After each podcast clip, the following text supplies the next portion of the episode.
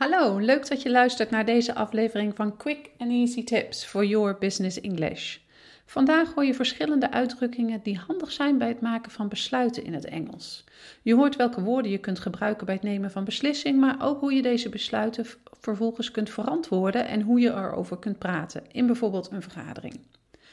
Mijn naam is Anneke Drijver van Improve Your Business English en de auteur van het boek Master Your Business English: Communicate with Power in 7 Simple Steps.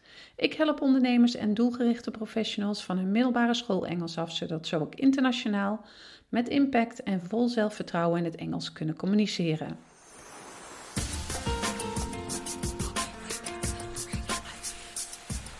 Onderzoek wijst eruit dat mensen gemiddeld zo'n 30.000 keuzes maken op een dag.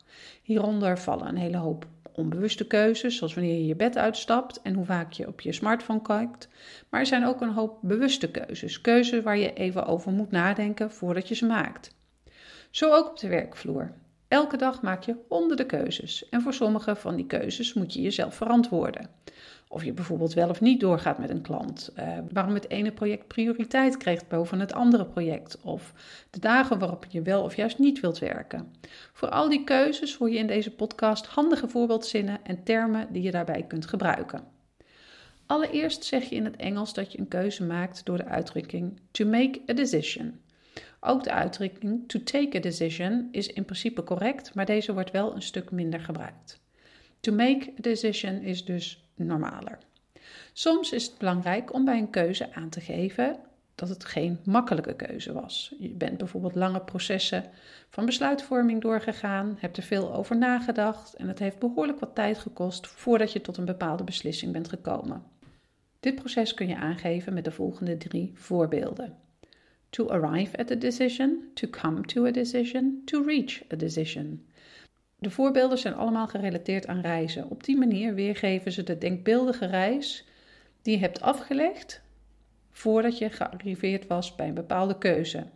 Een voorbeeldzin is: After I discussed the subject with all important stakeholders, we were able to arrive at a decision. Daarnaast is het ook vaak van belang om aan te geven dat iets een grote keuze is. Zo kun je bijvoorbeeld medewerkers motiveren of hen laten inzien met wat voor grote dingen jullie bezig zijn. Het is een stukje bewustwording van waar jullie staan als bedrijf of organisatie. Je kunt de woorden a big decision of een major decision gebruiken om aan te geven dat iets een grote keuze is.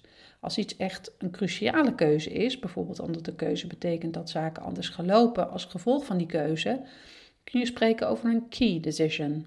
Een keuze met historische impact noemen we een momentous decision of een landmark decision. Dit hoor je in deze zin. It was a landmark decision to make Bill CEO of the company. He is the first CEO in our company who has not finished any higher professional education. Er zijn moeilijke keuzes en er zijn makkelijke keuzes. Soms heeft het waarde om aan te geven dat iets een moeilijke keuze was. Dit kun je doen met de woorden It was a difficult decision, a hard decision of a tough decision. Mochten jullie niet zo'n formele organisatie zijn, dan kun je ook deze informele optie gebruiken. It was a tough call. Maar soms kan het juist ook erg nuttig zijn om aan te geven dat iets een eenvoudige keuze was die amper moeite kostte. Je kunt dan zeggen: It was a no-brainer. Wat iets uitdrukt als: uh, Ik hoefde er bijna niet bij na te denken. Let op, dit laatste voorbeeld is wel redelijk informeel. Een uitdrukking die niet precies hetzelfde betekent, maar hier wel aan relateert, is: It was a prompt decision of it was a snap decision.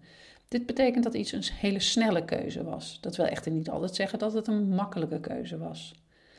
Was iets nu een snelle beslissing, maar blijkt achteraf dat het geen goede beslissing was, is de beslissing bijvoorbeeld te snel gemaakt zonder eerst alle feiten op een rijtje te hebben, dan spreek je over een hasty of een rash decision. En kun je deze verkeerde beslissing helaas ook niet terugdraaien of veranderen, dan hebben we het over een irreversible decision. Een irreversible decision heeft bijna altijd een negatieve connotatie. Ben je ervan overtuigd dat je een goede keuze hebt gemaakt? Of wil je iemand anders complimenteren over zijn of haar keuze? Als we ons positief uitlaten over een keuze die we verstandig vinden, gebruiken we de termen a sensible decision of a wise decision of a rational decision.